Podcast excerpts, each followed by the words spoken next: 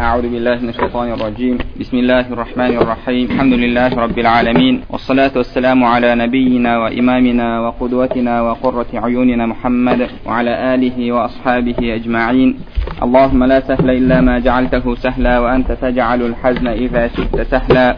رب يسر ولا تعسر رب تمم بالخير رب اشرح لي صدري ويسر لي أمري واحلل عقدة من لساني يفقه قولي. اللهم علمنا ما ينفعنا وانفعنا بما علمتنا وزدنا علما وتقا وإخلاصا يا رب العالمين. أما بعد السلام عليكم ورحمة الله وبركاته. بغن إن شاء الله الله سبحانه وتعالى خلا من عقدة قدستة شنشة darsimizda boshlaymiz بز وتكن darsda وتكن darsda имам абу жафар тахауи алла ол кісіні рахмат қылсын. Сол кісінің мәтінінен бұл әхлі сүнна уәл жамааның ақидасының баяны. Олардың нені иатиқад қылады? Олар қандай сенімде? Алланың алдында неге сенумен қай сенімді дін тұтады? Соған қатысты яғни сол сөзімен бастаған еді. Және имам әлемдердің раббысының алдында дін тұтатын ақидасының баяны деген сөзіне келген едік. Және бұл біз өткен сабақта раб сөзіне тоқталған едік раб сөзінің мағынасы не? Сондай ақ имам ибн жарир ат табари әйгілі тәфсир ғалымының кітабынан яғни ол кісінің тәфсирінен раб сөзі үш мағынаны білдіреді дегенін айтқан еді. Ол мағыналары ар муслих яғни бір нәрсені игеру түзету басқару дегенді білдіреді. Әл малику бір нәрсенің иесі дегенді білдіреді. Және әссәйидул мута яғни басқалар оған бағынышты болуды білдіреді деген. Яғни басқалар оған бағынышты болса ол раб дегенді білдіреді. Ол да раб деген сөз. Және сондай ақ ол бір нәрсені игерсе басқарса ол да раб деген сөз. Және үшіншісі бір нәрсенің иесі болу. Және басқа да мағыналары бар деп имам абу жафар тахауи айтады. Ә, имам табари бірақ басқа мағыналары осы үш мағынаға келіп тіреледі дейді үш мағынаның өзі де бір бірімен тікелей қатысты.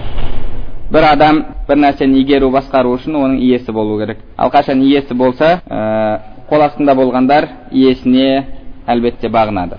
Яғни үшеуі мағыналары бір біріне тікелей қатысты бір біріне өте жақын енді біз өткен жолы мына бір мәселені қозғауды бастаған едік қазір көптеген жерде таухид үшке бөлінеді рубубия таухиді улухия таухиді және әсма уассифат таухиді деген сөзді көп естиміз және сондай ақ мүшриктер рубубияда ақидасы дұрыс болған таухид рубубияда олар таймаған таухид рубубия оларда дұрыс болған.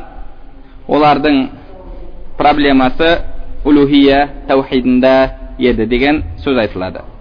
Мүшриктер шынымен де таухид рубубияда ақидалары дұрыс болды ма? Және бүйтіп улухия мен рубубияны бөлуге негіз бар ма? Біз өткен жолы осы мәселеге кірген едік. Және өткен жолы мүшриктердің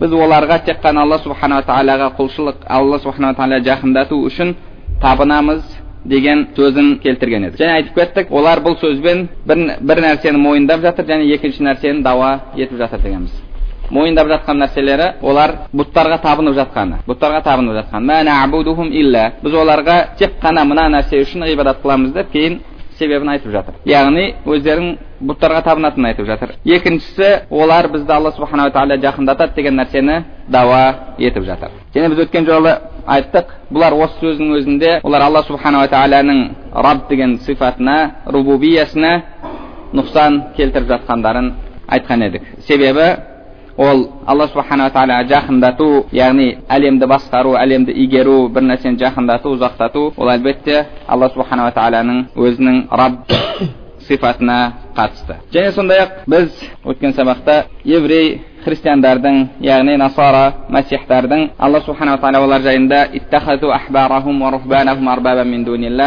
өздерінің басшыларын дін басшыларын алладан алла субханала тағаладан басқа раб тұтып алды деген сөзін келтірген едік олар сол сөздің өзінде алла субханала тағала олардың өздерінің басшыларын раб тұтып алғанын келтіріп жатыр енді қалайша олар өздерінің басшыларын раб тұтады біз өткен жолы айтып кеттік раб сөзінің көпше түрі арбаб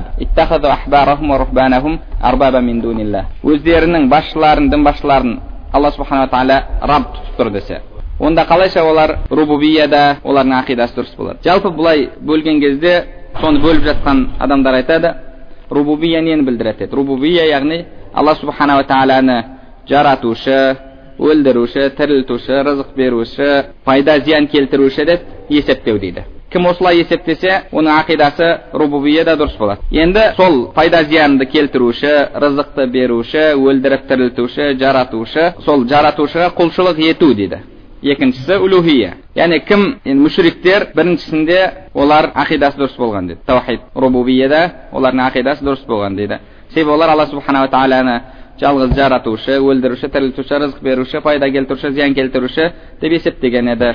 Бірақ басқа нәрселерді ортаға дәнекер ету арқылы олар мүшрік болды. Яғни олардың жалғыз проблемасы ол тек қана алла субханала тағала мен жаратылыстың арасында алла субханала тағала мен адамзаттың арасында бұттарды жақындатушы деп яғни дәнекер посредник етіп қою дейді. Тек қана осымен олар мүшрик болды дейді. Осындай сөз айтылады. Яғни олар бұттар ешқандай пайда зиян келтірмейді олар өлдірмейді тірілмейді тірілтпейді олар рызық бермейді олар жаратпайды олардың атқаратын ісі тек қана алла субханала тағалаға жақындатады деген олар сенімде болған деген сөз айтылады сонымен олардың ақидасы рубубияда дұрыс болды яғни үшті бөлшектеп алған кезде бірақ тек қана жалғыз проблемасы бұттарға бізді жақындатады осы бұттар бізді аллаға жақындатады деген ойлары қана болды дейді сол үшін де бір кәшфі шубухат деген кітап бар жазылған қазақшаға күмәнді кетіру деп аударылған сол кітапты ашып қарайтын болсаңыз басы былай басталады алла субханала алла субханала тағала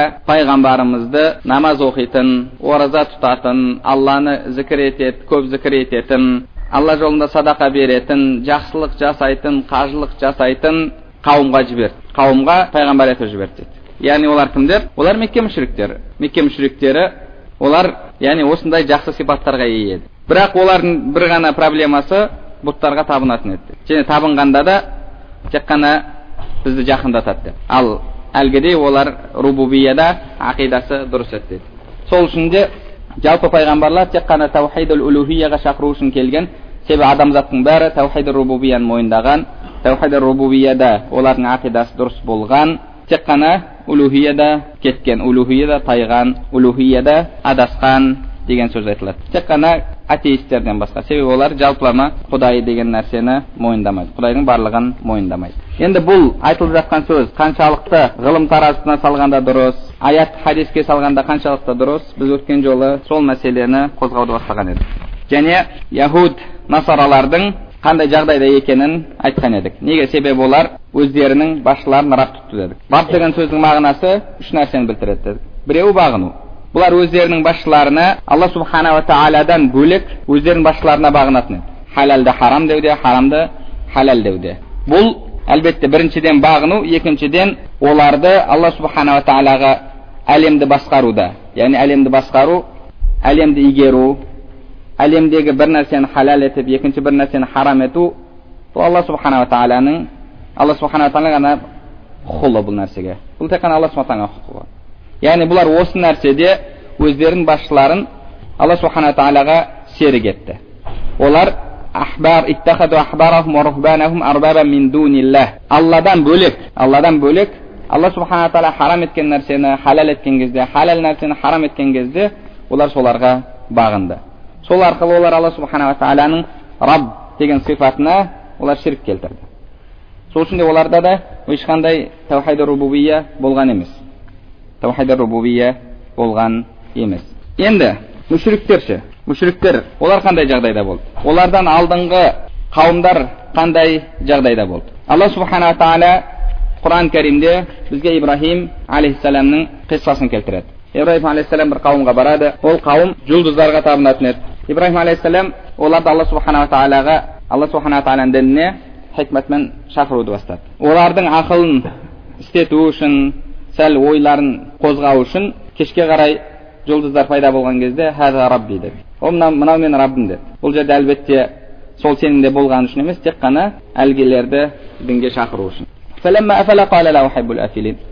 Жұлдыздар жоқ болып кеткен кезде яғни таң атып жұлдыздар көзден ғайып болған кезде мен бұндай кетушілерді жақсы көрмеймін деді яғни бұлардың құдай болуға табынуға лайық емес екенін білдірді. Одан кейін ай ай туралы да сондай нәрсені айтты. Одан кейін күн күнді айтты бұл үлкен екен осыған табынамын деп. Одан кейін ол да кетіп қалған кезде мен сендердің алла субхана тағалаға шерік етіп жатқан нәрселерінен аулақпын деді. Мен бұны менің ол нәрсеге қатысым жоқ. Мен бұл нәрселерден сендердің жасап жатқан шіріктеріңнен аулақпын деді. Және одан кейін қауымы онымен таласа бастады. Алла субхана тағала құран кәрімде қауымы онымен таласты деді. Ибраһим алейхисалам оларға былай деді. وقد هدان ولا أخاف ما تشركون به إلا أن يشاء ربي شيئا алла жайында менімен таласасыңдар ма ол мені тура жолға бастады мен сендердің аллаға серік етіп жатқан нәрселеріңнен қорықпаймын деді мен қорықпаймын деді яғни олар қорқатын еді олар одан қорықпайтын болса неге мен одан қорықпаймын деп айтады. Ал қорқу ол қашан болады? Яғни бір нәрсе бір зиян пайда келтіреді деп ойлаған кезде адам ол нәрседен қорқады. Сол үшін де олар әлгі жұлдыз ай күн сол сияқты тастар бұттар зиян немесе пайда келтіреді деп олар сондай әтиқатта сондай сенімде болған. Ибраһим алейхисалам оларға айтып жатыр сендердің шірк етіп алла субхан тағалаға серік етіп жатқан нәрселеріңнен мен қорықпаймын деп. Мен қорықпаймын ол нәрсе яғни олар одан қорқатын еді. Одан қорқатынына тағы да бір дәлел алла субхана тағала құран кәрімде худа алейхисалам жайында айтады худа алейхисаламның де қауымы таласады сонда олар айтады худ сүресінде біздің саған айтатынымыз біздің құдайларымыз кейбір құдайларымыз сені ұрып қойыпты бису саған сондай бір жамандық келтіріпті саған зиян тигізіпті сонымен сен адастың алжып қалдың сенің ақыл есің орнында емес деген сөзді айтады яғни олар табынып жатқан бұттарының пайда зиян келтіретінін сеніп жатыр яғни су деген жаманшылық саған сондай жаманшылық басыңа беріп қойды деп біз ой, айтамыз деп біз сол ойдамыз сен тек қана сол үшін бір жынды немесе бір жалғансың алжас сондай алжыған адамсың деген сөзді айтты пайғамбарларына яғни олар бұттарын пайда зиян келтіреді деп есептеуші еді ол есептемесе қалай айтады саған бір біздің құдайларымыз саған зиян келтіріп қойды деп яғни бұлардың ақидасында әлемді басқаруда әлемді игеруде олардың да қатысы бар еді. Олардың да үлесі бар еді. Сол үшін де олар мүшриктер пайғамбарымыз саллаллаху алейhi жайында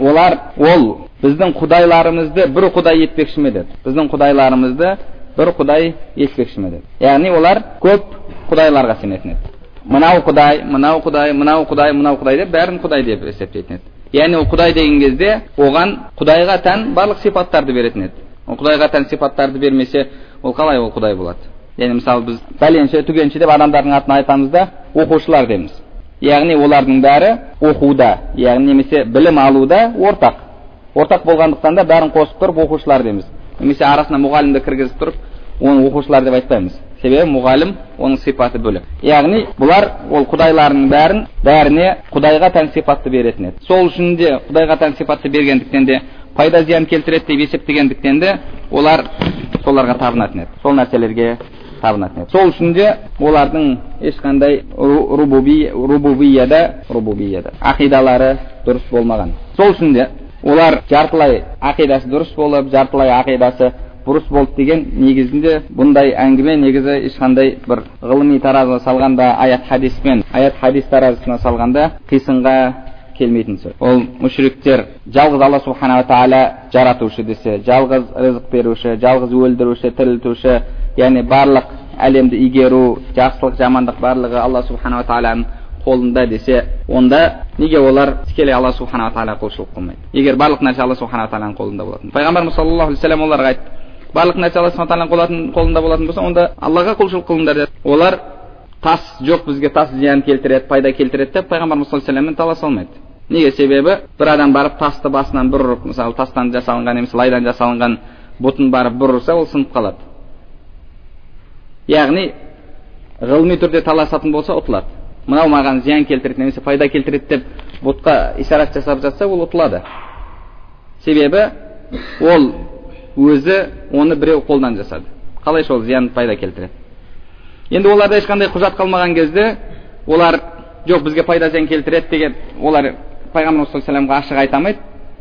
Сонымен не деді? Жоқ бұлар бізді аллаға жақындатады деді. Яғни аллаға жақындатады деген сөздері негізінде тек қана сылтау ғана еді олардың. Сылтау ғана. Сол үшін де алла субханала тағала құран кәрімде оларды айтты егер аспан әлемді кім жаратты десең яғни әлемнің раббысы кім десең олар алла дейді деді дейді деді олар алла деп иман келтіреді деген жоқ ешқандай аятта олар тек қана ауыздарымен тек қана алла субханала тағала деп айтатын еді бірақ басқа нәрселерді алла субханала тағаламен бірге әлемді игеруде әлемді басқаруда яғни рубубияда басқа нәрселер алла субхана тағалаға серік деп есептейтін еді ибраһим алейхисаламның қауымы да тура сондай сол үшін де олар олардан қорқатын ибраһим алейхисалам айтты оларға мен сендердің аллаға серік етіп жатқан нәрселерінен қорықпаймын. Тек қана раббым нені қаласа сол болады деді. Яғни менің раббым нені қаласа сол болады деді. Яғни сендердің танып жатқан нәрселеріңнің қалағаны болмайды. Тек қана менің раббымның деп жатыр. Яғни олар әлбетте басқа нәрселерге алла субханала тағаланың раб деген сипатында серік келтіретін еді. Екінші бір аятта алла субханала тағала ибраһим алейхисаламның қауымы жайында айтады ибраһим алейхисалам оларға айтады бірінші не мынау сендердің табынып жатқан бұттарың дейді олар біздің әке шешеміз ата бабамыз осыған табынған еді біз де соған табынамыз деген сөзді айтады сонда ибраһим алейхисалам сен ата аналарың ата бабаларың адасуда болса ше десе олар сен бізге ақиқатты алып келіп тұрсың ба немесе ойнап тұрсың ба деген сөз айтады яғни содан кейін ибраһим алейхисаламның жауабы قال بل ربكم رب السماوات والأرض الذي فطرهن قال айтты дейді алла субханала тағала яғни алла субханала тағала ибраһим алейхисалам айтты деп жатыр құранда қала деген айтты деген сөз бар раббукум керісінше сендердің раббыларың аспан жерді жаратқан раббы. Сол сендердің раббыларың. Сендердің табынып жатқан нәрселерің сендердің раббыларың емес. Керісінше араб тілінде бәл деген сөз бар. Бәл деген сөз оны атқаратын қызметі арабша айтады алдындағыны алдындағы сөзді теріске шығару үшін. Мысалы арабша айтатын болсақ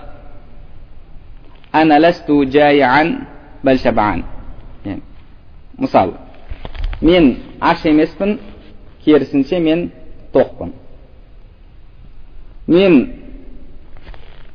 бойдақ емеспін керісінше үйленгенмін мен оқушы емеспін керісінше мұғаліммін яғни алдындағы сөзді теріске шығару үшін алдындағы сөз бұл жерде араб тілінде бұлай айту үшін алдындағы сөз кейінгі сөзге антоним болу керек яғни мысалы қазақ тілінде бұл қазақ тіліне аударатын болсақ керісінше деп аударылады.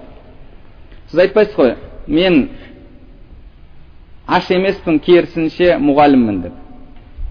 Бұл сөз дұрыс емес. Яғни бұл жерде аш емеспін керісінше тоқпын деген сөз болу керек. Себебі екеуі бір біріне қарама қайшы болу керек. Яғни керісінше деген сөзден алдыңғы сөз бен кейінгі сөз бір біріне қарама қайшы болу керек. Араб тілінде де айтпайды мысалы мен аш емеспін керісінше мен тұрып тұрмын деп айтылмайды. Аш емеспін керісінше тоқпын. Мен отырған жоқпын керісінше тұрып тұрмын. Яғни бір біріне қарама қайшы сөз болу керек. Пайғамбар ибраһим алейхисалам бұл жерде бәл раббукум бәл раббукум енді оқылғанда бәр деп оқылады себебі ләм раға идғам қылынады тәжвидте.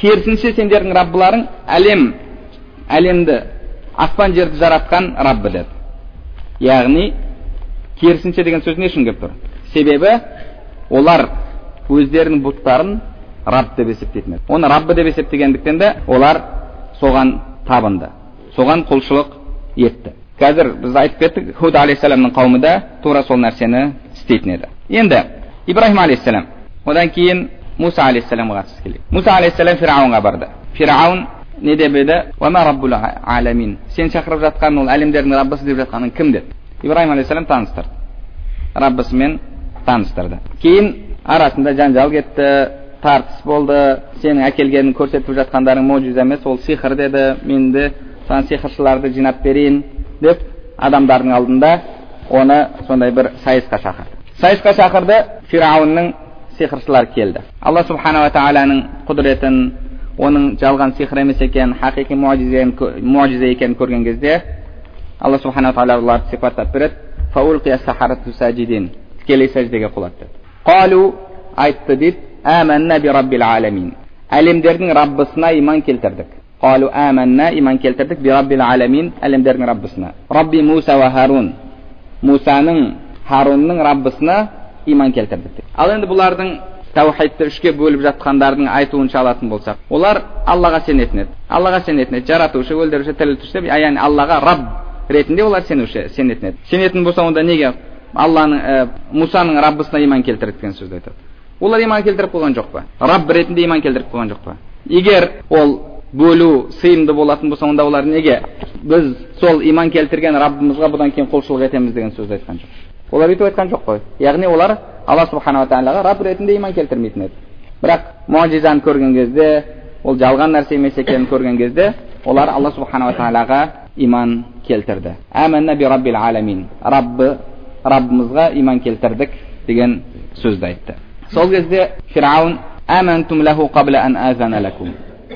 мен сендерге рұқсат бермей тұрып сендер иман келтірдіңдер ме деді мен сендерге рұқсат берген жоқпын иман келтіруге қалайша иман келтіресіңдер? Яғни фирауын өзін шынайы раббым деп есептейтін еді. Ол адамдардың тек қана денесін емес олардың жүректерінде менің мүлкімде менің меншігімде дейді. Себебі иман сенім ол жүректе болатын нәрсе. Яғни сендердің мен сендердің жүректеріңе де иемін деген сөз қалайша мен сендерге рұқсат бермей иман келтіресіңдер деп. Иман жүректе. Бірінші сенім адам жүрегінде болады жүректе болмай тілмен айтса ол әлбетте мұнафиқ болады. Яғни ол мен адамдардың иесімін және олардың жүректерінің де олардың ойларының да иесімін дейтін еді. Ал біз раб сөзінің бір мағынасы әл мәлик ие болу деген. Сол үшін де раб шынайы раб оның билігі барлық нәрсеге жүреді. Барлық нәрсе оның меншігінде. Бұл адамдардың денесімен бірге олардың жаны да олардың рухы да олардың жүрегі де менің қолымда деп есептейтін еді. Сол үшін де әна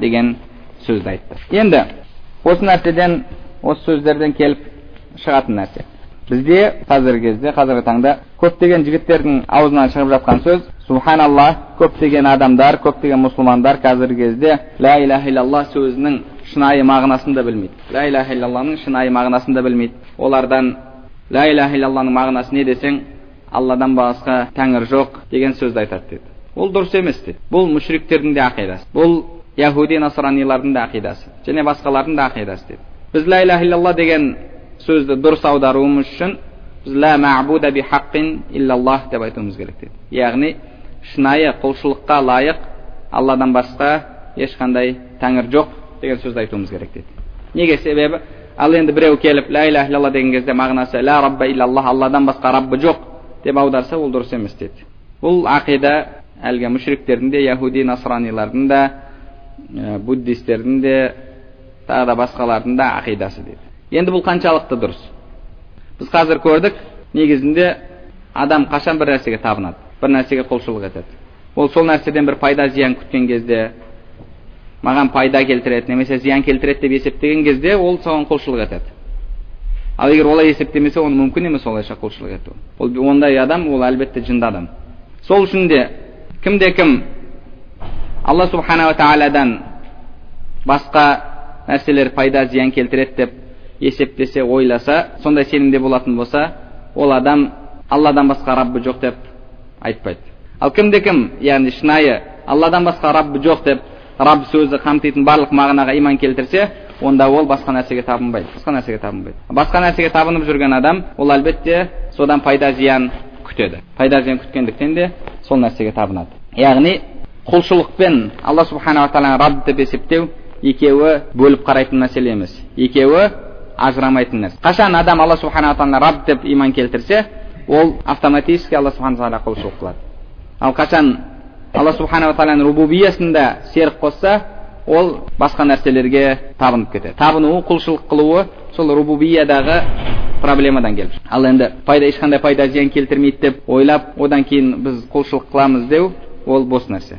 Сол үшін де ол адамның иманы үш бөлік болып таухиды үш бөлік болып біреуі дұрыс екіншісі бұрыс деген сөз негізінде бүйтіп ғұламалар негізінде бөлген емес. Оны ғұламалар бөлген емес. Кейіннен келген жетінші сегізінші ғасырда келген кейбір ғұламалардың ойлап шығарған нәрсесі. Ол араб тілінде истиқра дейді истиқра деген аят хадистерді толығымен қарап шығу яғни терең іздену терең ізденуге де негізделмеген. Неге себебі?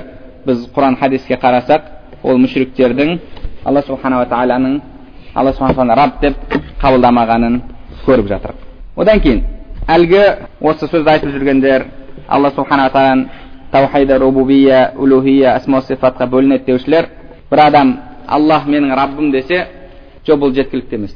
Себебі мүшриктер де осы сөзді айтатын еді. Ал енді алла субханала тағала құран кәрімде алла тағаланың сөзіне қарайтын болсақ алла субханала тағала бізден әл мисақта уәде алған кезде яғни мисақ алған кезде бізден уәде алған кезде мен сендердің раббыларың емеспін бе деп барлық адамзат айтты бәлә иә сен біздің раббымызсың деді ал енді рабб сөзі түгелдей құлшылық етуді де пайда зиян келтіруді бәрін бірге өзіне қамтымайтын болса онда алла субханала тағала жарайды сендер мені раб деп есептедіңдер. Енді маған құлшылық қыласыңдар ма деп екінші жағын тексерді ма? Екінші сұрақ қойылды ма? Құранда қарасаңыз ешқандай ондай сұрақ жоқ. Ешқандай ондай сұрақ жоқ. Пайғамбарымыз саллаллаху алейхи вассаламнан келетін хадис. Қанша жолмен келсе бәрінде де екі періште адам баласы қабірге қойылған кезде мән раббук деген сұрақ қояды. Раббың кім?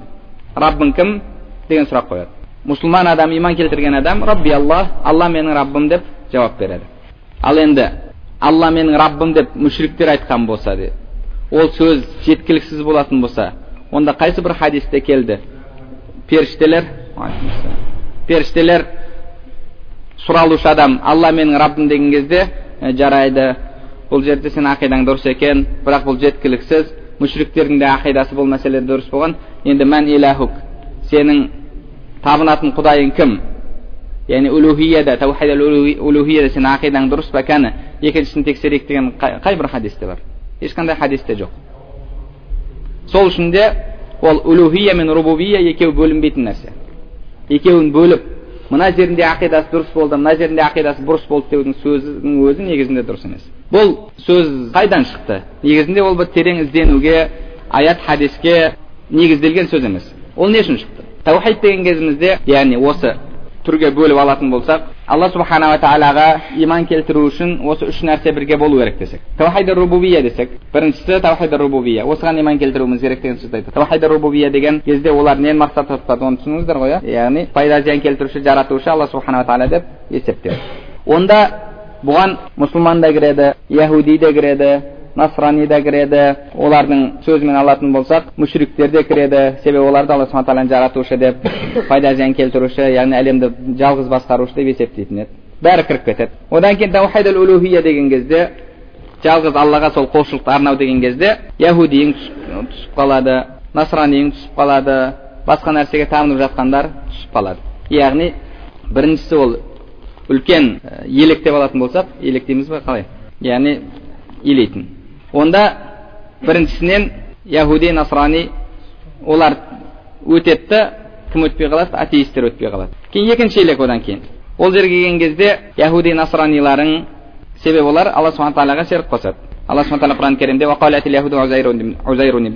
яхудтер узайр алланың ұлы деді дейді насранилар иса алланың ұлы деді яғни серік қосты сонымен өздерінің пірлеріне табынып жатқан тағы басқа нәрсесіне табынып жатқан олардың бәрі ол електен өтпей қалады сонымен бірге өтпей қалатындар тәуәссүл мәселесі тәуәссүлді жайыз рұқсат деушілер тәуәссүл дегеніміз не тәуәссүл дегеніміз пайғамбарымыз саллаллаху алейхи вассаламнан сахи хадиспен келген сахи хадис келген бір көзі соқыр кісі пайғамбарымыз саллаллаху алейhi келіп маған бір дұға үйрет мен алладан сұрайын алла менің көзімді ашсын дейді сонда мынандай дұға үйретеді. Е алла мен сенен пайғамбарыңмен сұраймын деген. Пайғамбарымның пайғамбарыңның құрметіне сұраймын деген көзімді аш деген дұға үйретеді. Пайғамбарымыз саллаллаху алейхи уассаламның құрметінен құрметімен алла субхана тағаладан бір нәрсе сұрау. Яғни бұл жерде сұрау алла субханала тағаладан тек қана пайғамбардың құрметіне деген сөз.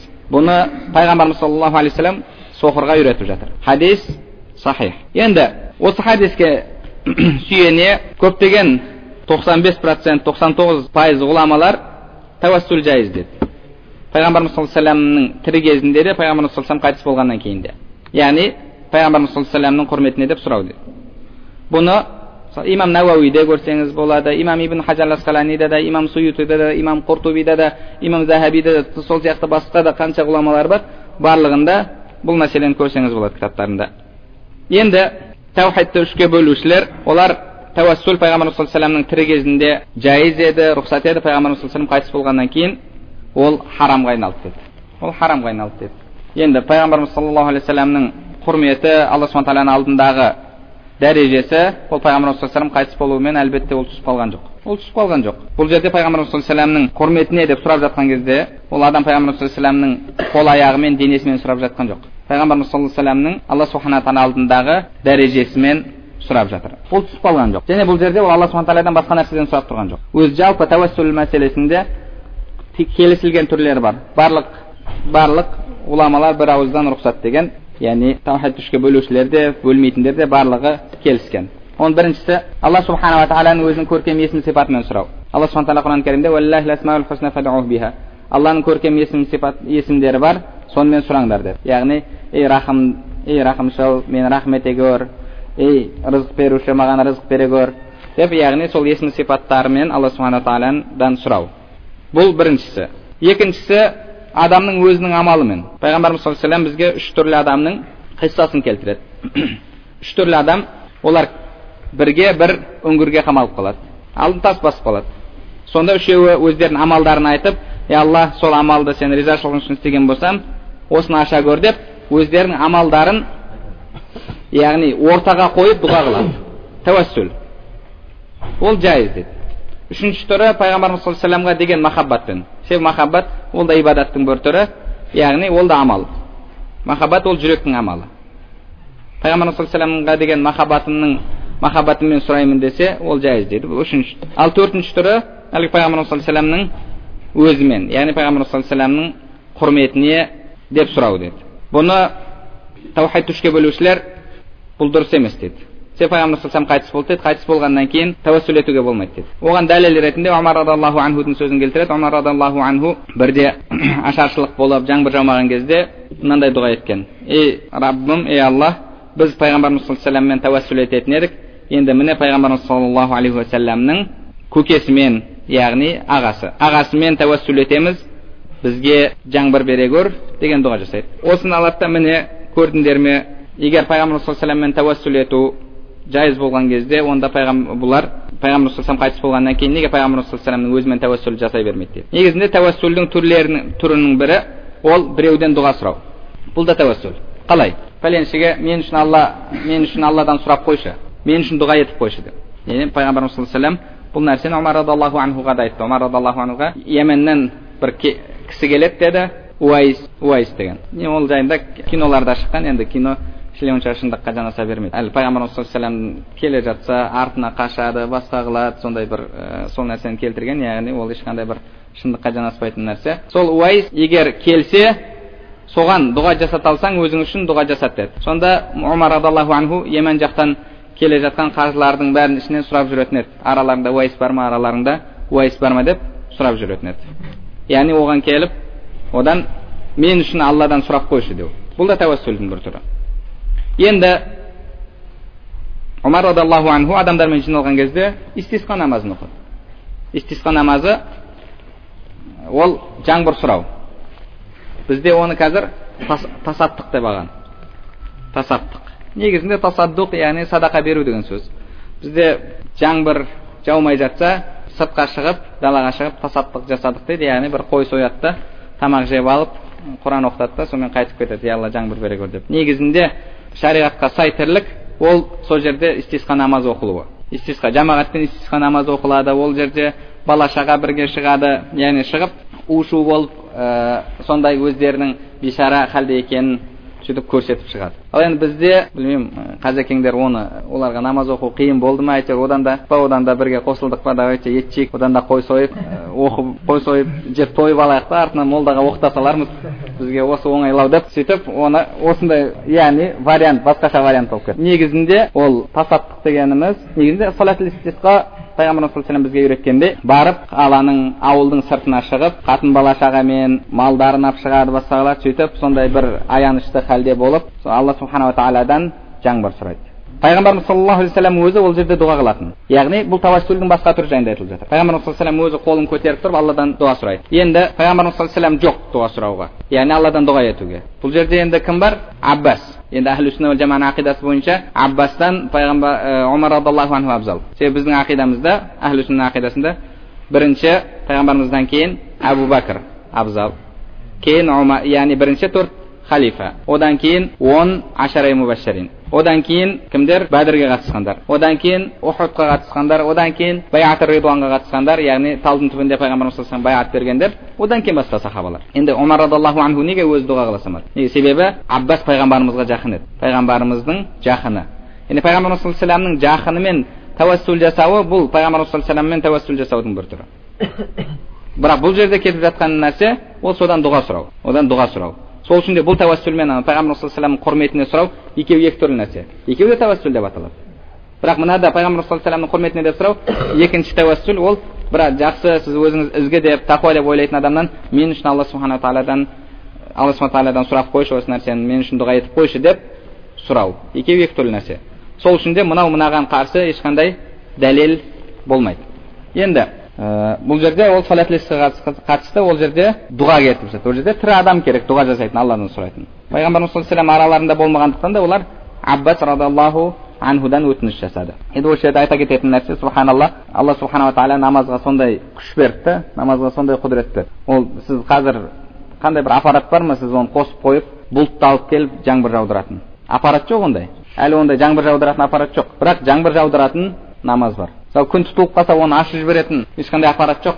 Бірақ күн тұтылған кезде соны ашылу үшін оқылатын намаз бар. Яғни алла субханала тағала намазға сондай не беріп қойды? Сондай бір ерекшелік сондай бір қасиет беріп қойды. Енді жалпы әхлі сүнна жамааның ғұламалардың көпшілігі пайғамбарымыз саллаллаху алейhi вассаламмен жайыз дейді. Жайыз. Себебі ол өлгеннен кейін ол бұл жерде пайғамбарымыз саллаллаху алейхи уассаламның дәрежесі мен дұға қылынып жатыр. Пайғамбар саллаллаху дәрежесі ол өлі кезінде тірі кезінде оның айырмашылығы жоқ дейді себебі пайғамбарымыздың дәрежесі ол бір. Және пайғамбарымыз саллаллаху алейхи уассаламның бұл жерде ол пайғамбарлығы пайғамбарымыз саллаллаху алейхи тақуалығы пайғамбарымыз саллаллаху алейhi ибадаты яғни бұл жерде ол да бір жағынан амалмен тәуәссүл амалмен тәуәссүл жасау жайыз.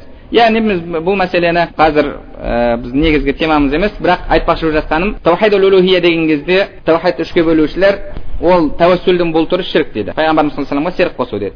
Сонымен олар да електен өтпей қалады. Енді тәуәссүл пайғамбарымыз саллаллаху алейhi қайтыс болғаннан кейін рұқсат емес деушілер одан өтіп кетеді. Одан кейін үшінші тағы да елек. Ол таухид сифат. Таухид сифат деген алланың есім сипатын да бір деп білу деді. Біз ол мәселеге иншалла уақытында кеңінен тоқтаймыз.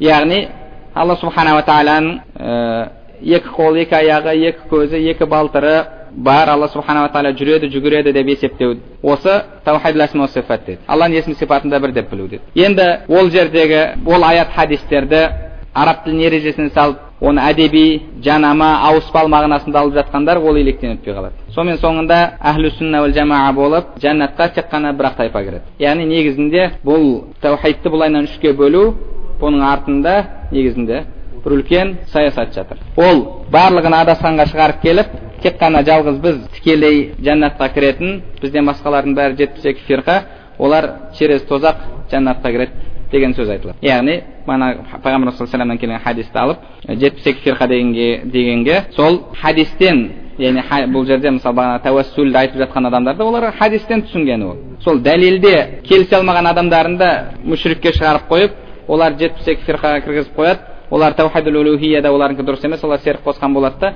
сонымен олар да әхлі сүннаның қатарынан шығып қалады. Яғни бұл бөлудің артында негізінде бір осындай бір ойын жатыр. Енді олар айтады раб деген сөз ол халиқ деді жаратушы деген сөз.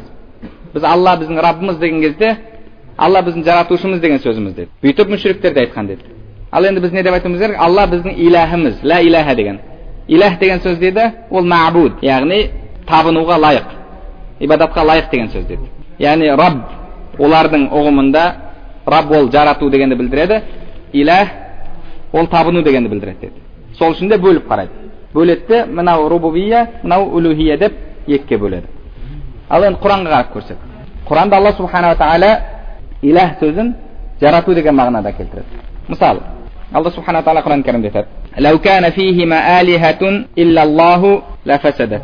Алла субханала тағаладан басқа құдайлар болғанда әлем бұзылар еді әлем аспан жер бұзылар еді деді алладан басқа әлиха болғанда деді бұл жерде, бұл жерде әлбетте табыну жайында айтылып жатқан жоқ әлемді басқарушы әлемді жаратушы деп жатыр неге себебі әлемді тағы да басқа жаратушылар болғанда әлемді тағы да басқарушылар болғанда әлем әлбетте бұзылар еді яғни бұл жерде әлиха сөзі иләх сөзінің көпше торы әлиха illallahu. Аспан жерде Алла субхана тағаладан басқа иләһтар болғанда аспан жер бұзылар еді деді. Әлбетте бұл жерде табыну жайында кетіп жатқан жоқ. Жарату, басқару жайында кетіп жатыр. Неге себебі иләһтар көп, бірақ шынайы иләхтар емес. Табынылып жатқан нәрселер көп. Сиырға да табынылып жатыр, итке де табынылып жатыр, шошқаға да табынылып жатыр, ә, крысаға да табынып жатқандар бар, отқа да табынып жатқандар бар. Яғни бұл табынылып жатқан нәрселер ал бұл әлемнің бұзылуына алып келді ме? Жоқ. Яғни бұл жерде не жайында кетіп жатыр? Әлбетте жарату басқару жайында кетіп жатыр. Одан кейін тағы да аят. Алла субханала тағала өзіне бала тұтқан жоқ деді құран кәрімде. Және алламен бірге ешқандай иләх жоқ деді. Ешқандай иләх жоқ деді егер басқа тағы да иләхтар болғанда иләх сөзі түсінікті иләхтар болғанда онда әрбір иләх өзінің жаратқанын өзі басқарады деді әрбір иләх әрбір раб деп тұрған жоқ әрбір иләх яғни иләх ол раб раб ол иләх екеуінің арасында айырмашылық жоқ қашан иләх қашан раб иләх болады яғни қашан иләх раб ә, қашан бір нәрсе табынуға лайық болады ол раб болған кезде қашан бір нәрсе раб болса ол табынуға лайық болады алла субхана тағала құран кәрімде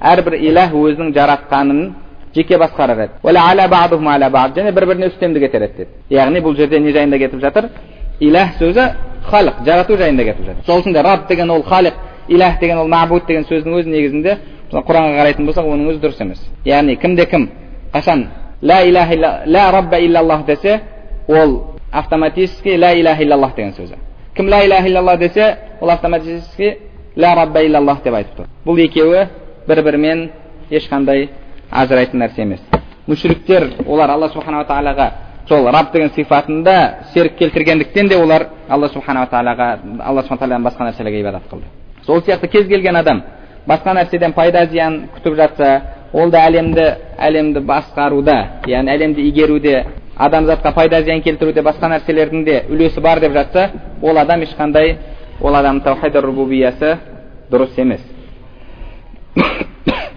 яғни құранның өзін қарайтын болсақ алла субхан тағала айтты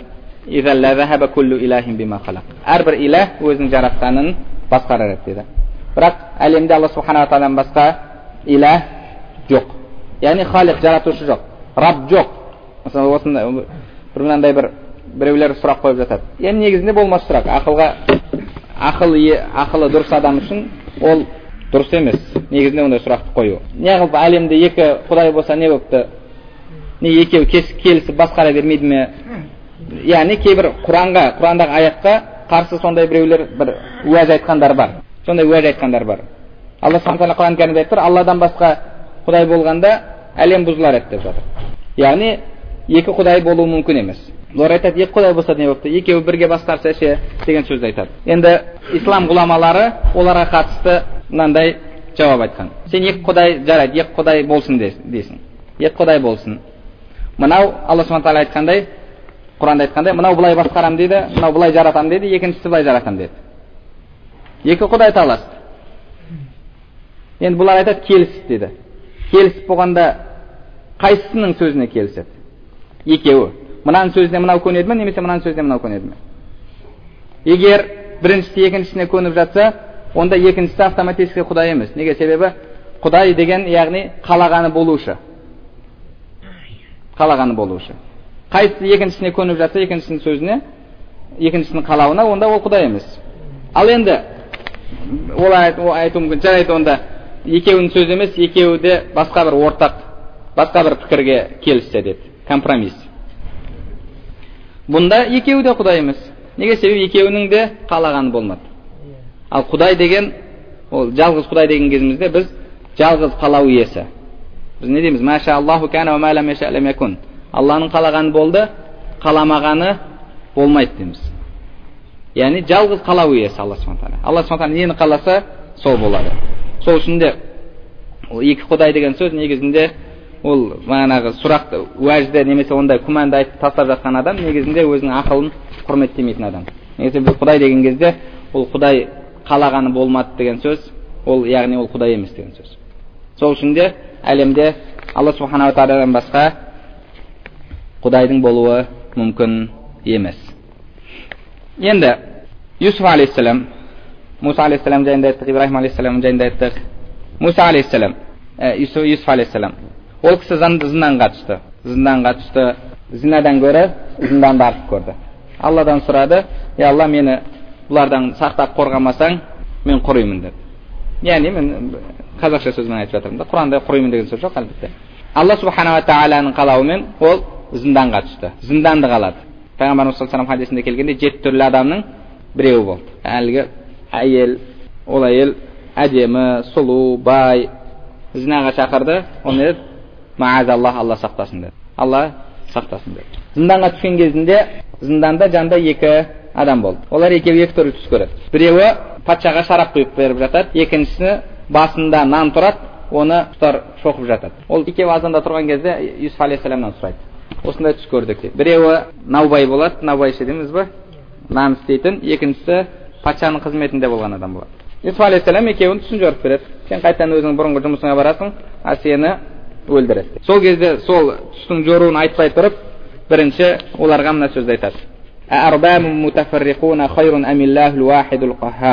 Әртүрлі бөлек бөлек раббылар қайырлы ма немесе жалғыз алла қайырлы ма? деп. Сендер табынып жатқан нәрсе тек қана сендер атап алған нәрселер ғана. Алла субханала тағала олар жайында бір ешқандай бір білім түсірген жоқ деді. Яғни бұлар алла субханала тағаламен басқа басқа нәрселерді раб тұтатын еді сол үшін де юсуф алейхисаламда әртүрлі раббылар қайырлы ма немесе жалғыз алла қайырлы ма деген сөзді айтты одан кейін таухидты үшке бөліп жатқандар айтады мүшриктер алланы жаратушы деп есептеді өлтіруші тірілтуші деп есептеді пайда зиян келтіруші деп есептеді тек қана алла субханала тағала мен басқа нәрселердің ортасын алла мен адамзаттың ортасына дәнекер қойды сонымен мүшрик болды деді яғни тәуәссүл жайыз деушілер сонымен мүшрик болып кетеді сол үшін де бағана кәшфі шубхат деген кітапты ашып қарайтын болсаңыз ол мүшриктер жалпы басқа жағынан ешқандай проблемасы жоқ еді сол үшін де оларды сондай кітапты қарасаңыз мүшриктерді мақтап бастайды мүшриктерді мақтап бастайды. Яғни ол мақтау емес па алла субхана тағала пайғамбарды намаз оқитын ораза тұтатын зеке садақа беретін қажылық жасайтын алланы көп зікір ететін адамдарға жіберді деді яғни жахилияттағы адамдарды солай мақтап соларға пайғамбар жіберді бірақ қана проблемалары бар еді. Ол алла субханала тағалаға серік қосатын еді. Ал енді құранды қарап көрейік. Олар алла субхан тағаланы жалғыз жаратушы деп есептеді ме алла субхан тағаланы өлтіруші тірілтуші деп есептеді ме алла субхан тағала құран кәрімде бізге бір мүшриктің мысалын келтіреді. Пайғамбарымыз саллаллаху алейхи келіп аты есімнен шығып тұр қазір алла субхан тағала өзінше келіп мысал келтірді деді. Өзінің жаратылысын ұмытып қойды деді. Күл болып кеткен күл болып кеткен сүйекті кім қайта тірілтеді? деп ол бір сондай сондай ескірген бір сүйекті алып келіп пайғамбар саллаллаху алдында үгітіп тұрып үгітіп тұрып шашып тұрып мұны кім тірілтеді? Деп ой субханалла оның рубубиясы дұрыс болатын болса қалай ол ондай сөзді айтады? Алла субхан тағаланы жаратушы өлтіруші тірілтуші деп есептесе алла субхан тағаланың құдіреті толық деп есептесе онда ол қалай? Мынаны кім тірілтеді деп оған шірк келтіреді алла субхан тағалаға. Алла субхан тағаланы тірілтетініне қалай ол күмән келтіреді? Ол не деді? Кім бұл сүйекті қайта тірілтеді деді? Себебі пайғамбарымыз саллаллаху алейhi пайғамбарымыз саллаллаху алейhi алла субханала тағала бізді өлгеннен кейін қайта тірілтеді деді олар алла субхан тағаланың құдіретіне шәк келтіріп тұр кім бұны тірілтеді деді олар алла субханала тағаланың жалғыз жаратушы екеніне иман келтірсе пайғамбарымыз саллаллаху сол жаратушыларыңнан маған кітап келді деген кезде неге олар е онда біз жаратушымыз біз соған иман келтірдік демеді керісінше олар алла субхан тағаланың құдіретінің өзіне шәк келтіретін еді құранда көптеген аятта алла субхана тағала айтады олардың олар айтады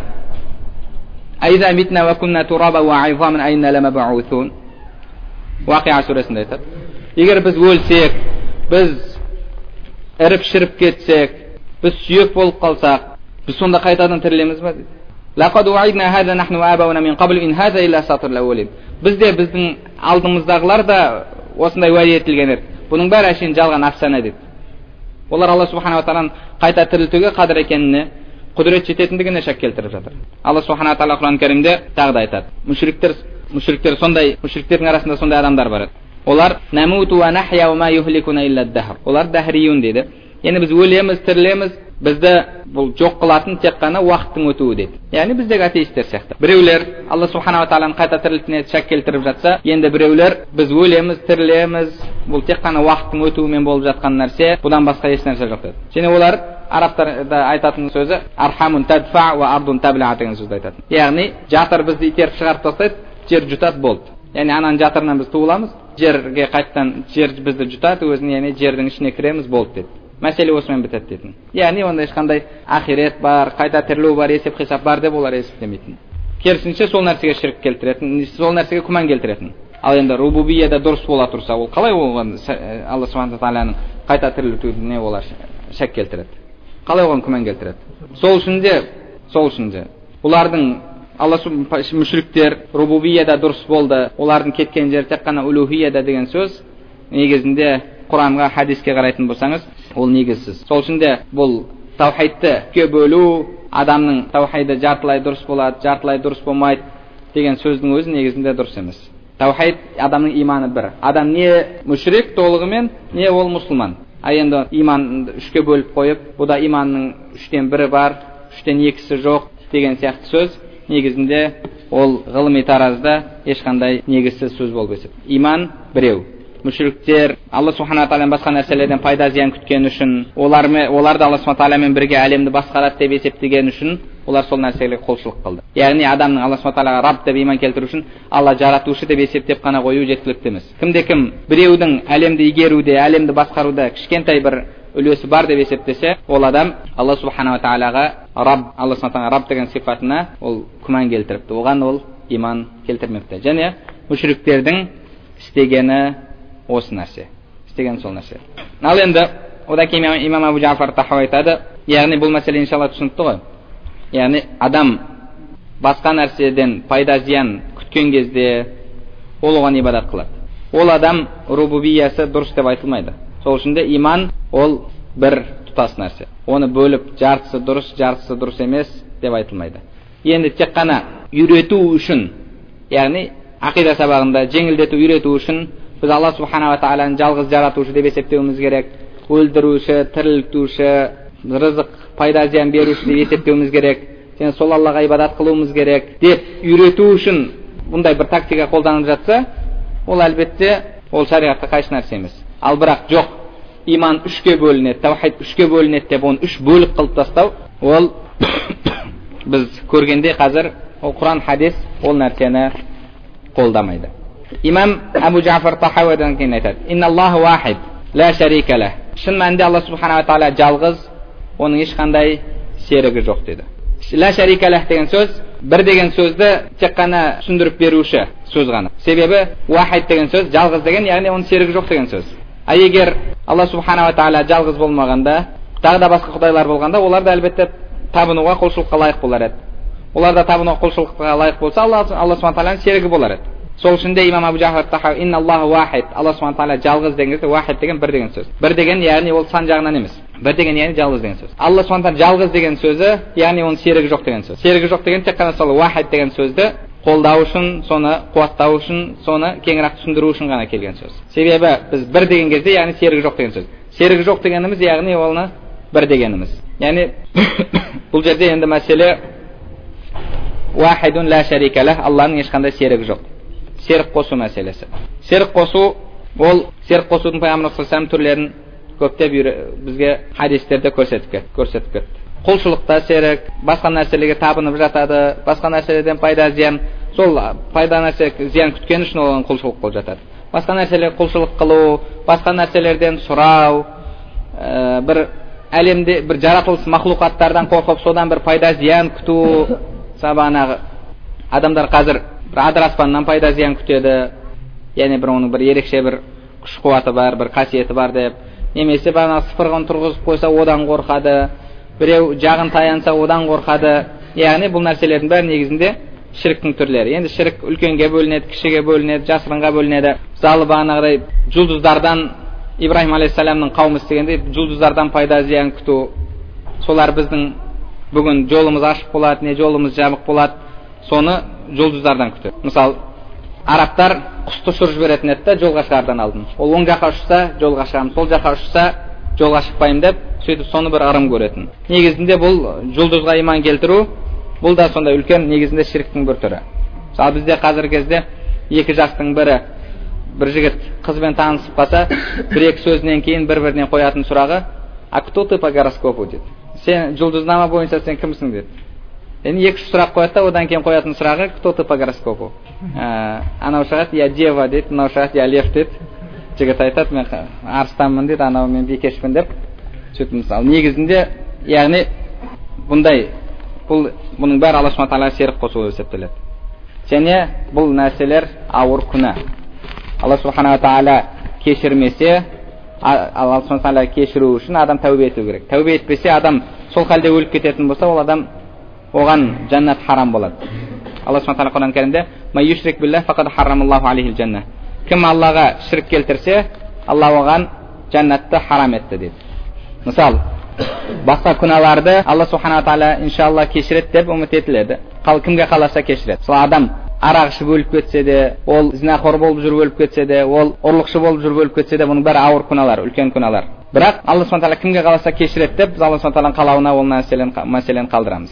Алла субхан тағала кімге қаласа кешіреді? Қаламағанына кешіруді қаламағанын ол тозақта жазасын алады сол үшін. Бірақ соңында аллаға серік қоспаған болса ол адам иншалла жәннаты болады. Жәннатқа кіреді. Алланың рахметімен әлбетте оның шекесінде жаханнами бұхарида хадисте келгендей жаханнамиюн жаһаннамнан алланың рахметімен босатылғандар деген жазу болады деді енді сол сияқты алла субхан тағала серік қосудың тағы бір түрі бар ол алла субханала тағаланы басқа нәрселерге ұқсату алла субханала тағаланың болмысын басқа нәрселердің болмысына ұқсату алла субханала тағаланы жаратылысқа ұқсайды деу біз иман келтіреміз еш нәрсе алла субхан ұқсамайды деп яғни еш нәрсенің болмысы да ақиқаты да еш нәрсенің көрінісі де еш нәрсе де алла субхана тағалаға ұқсамайды деп иман келтіремін а егер кімде кім алла субхан тағалаға басқа нәрсе ұқсайды деп жатса ол да алла субхан тағалаға серік қосудың бір түрі болып есептеледі бұл мәселені иншалла алла субхан тағала өмір берсе келесі сабағымызда жалғастырармыз алла субхана тағала бәрімізге пайдалы білім нәсіп етсін білімдерімізге амал қылуымызды және амалдарымыздың қабыл болуын нәсіп етсін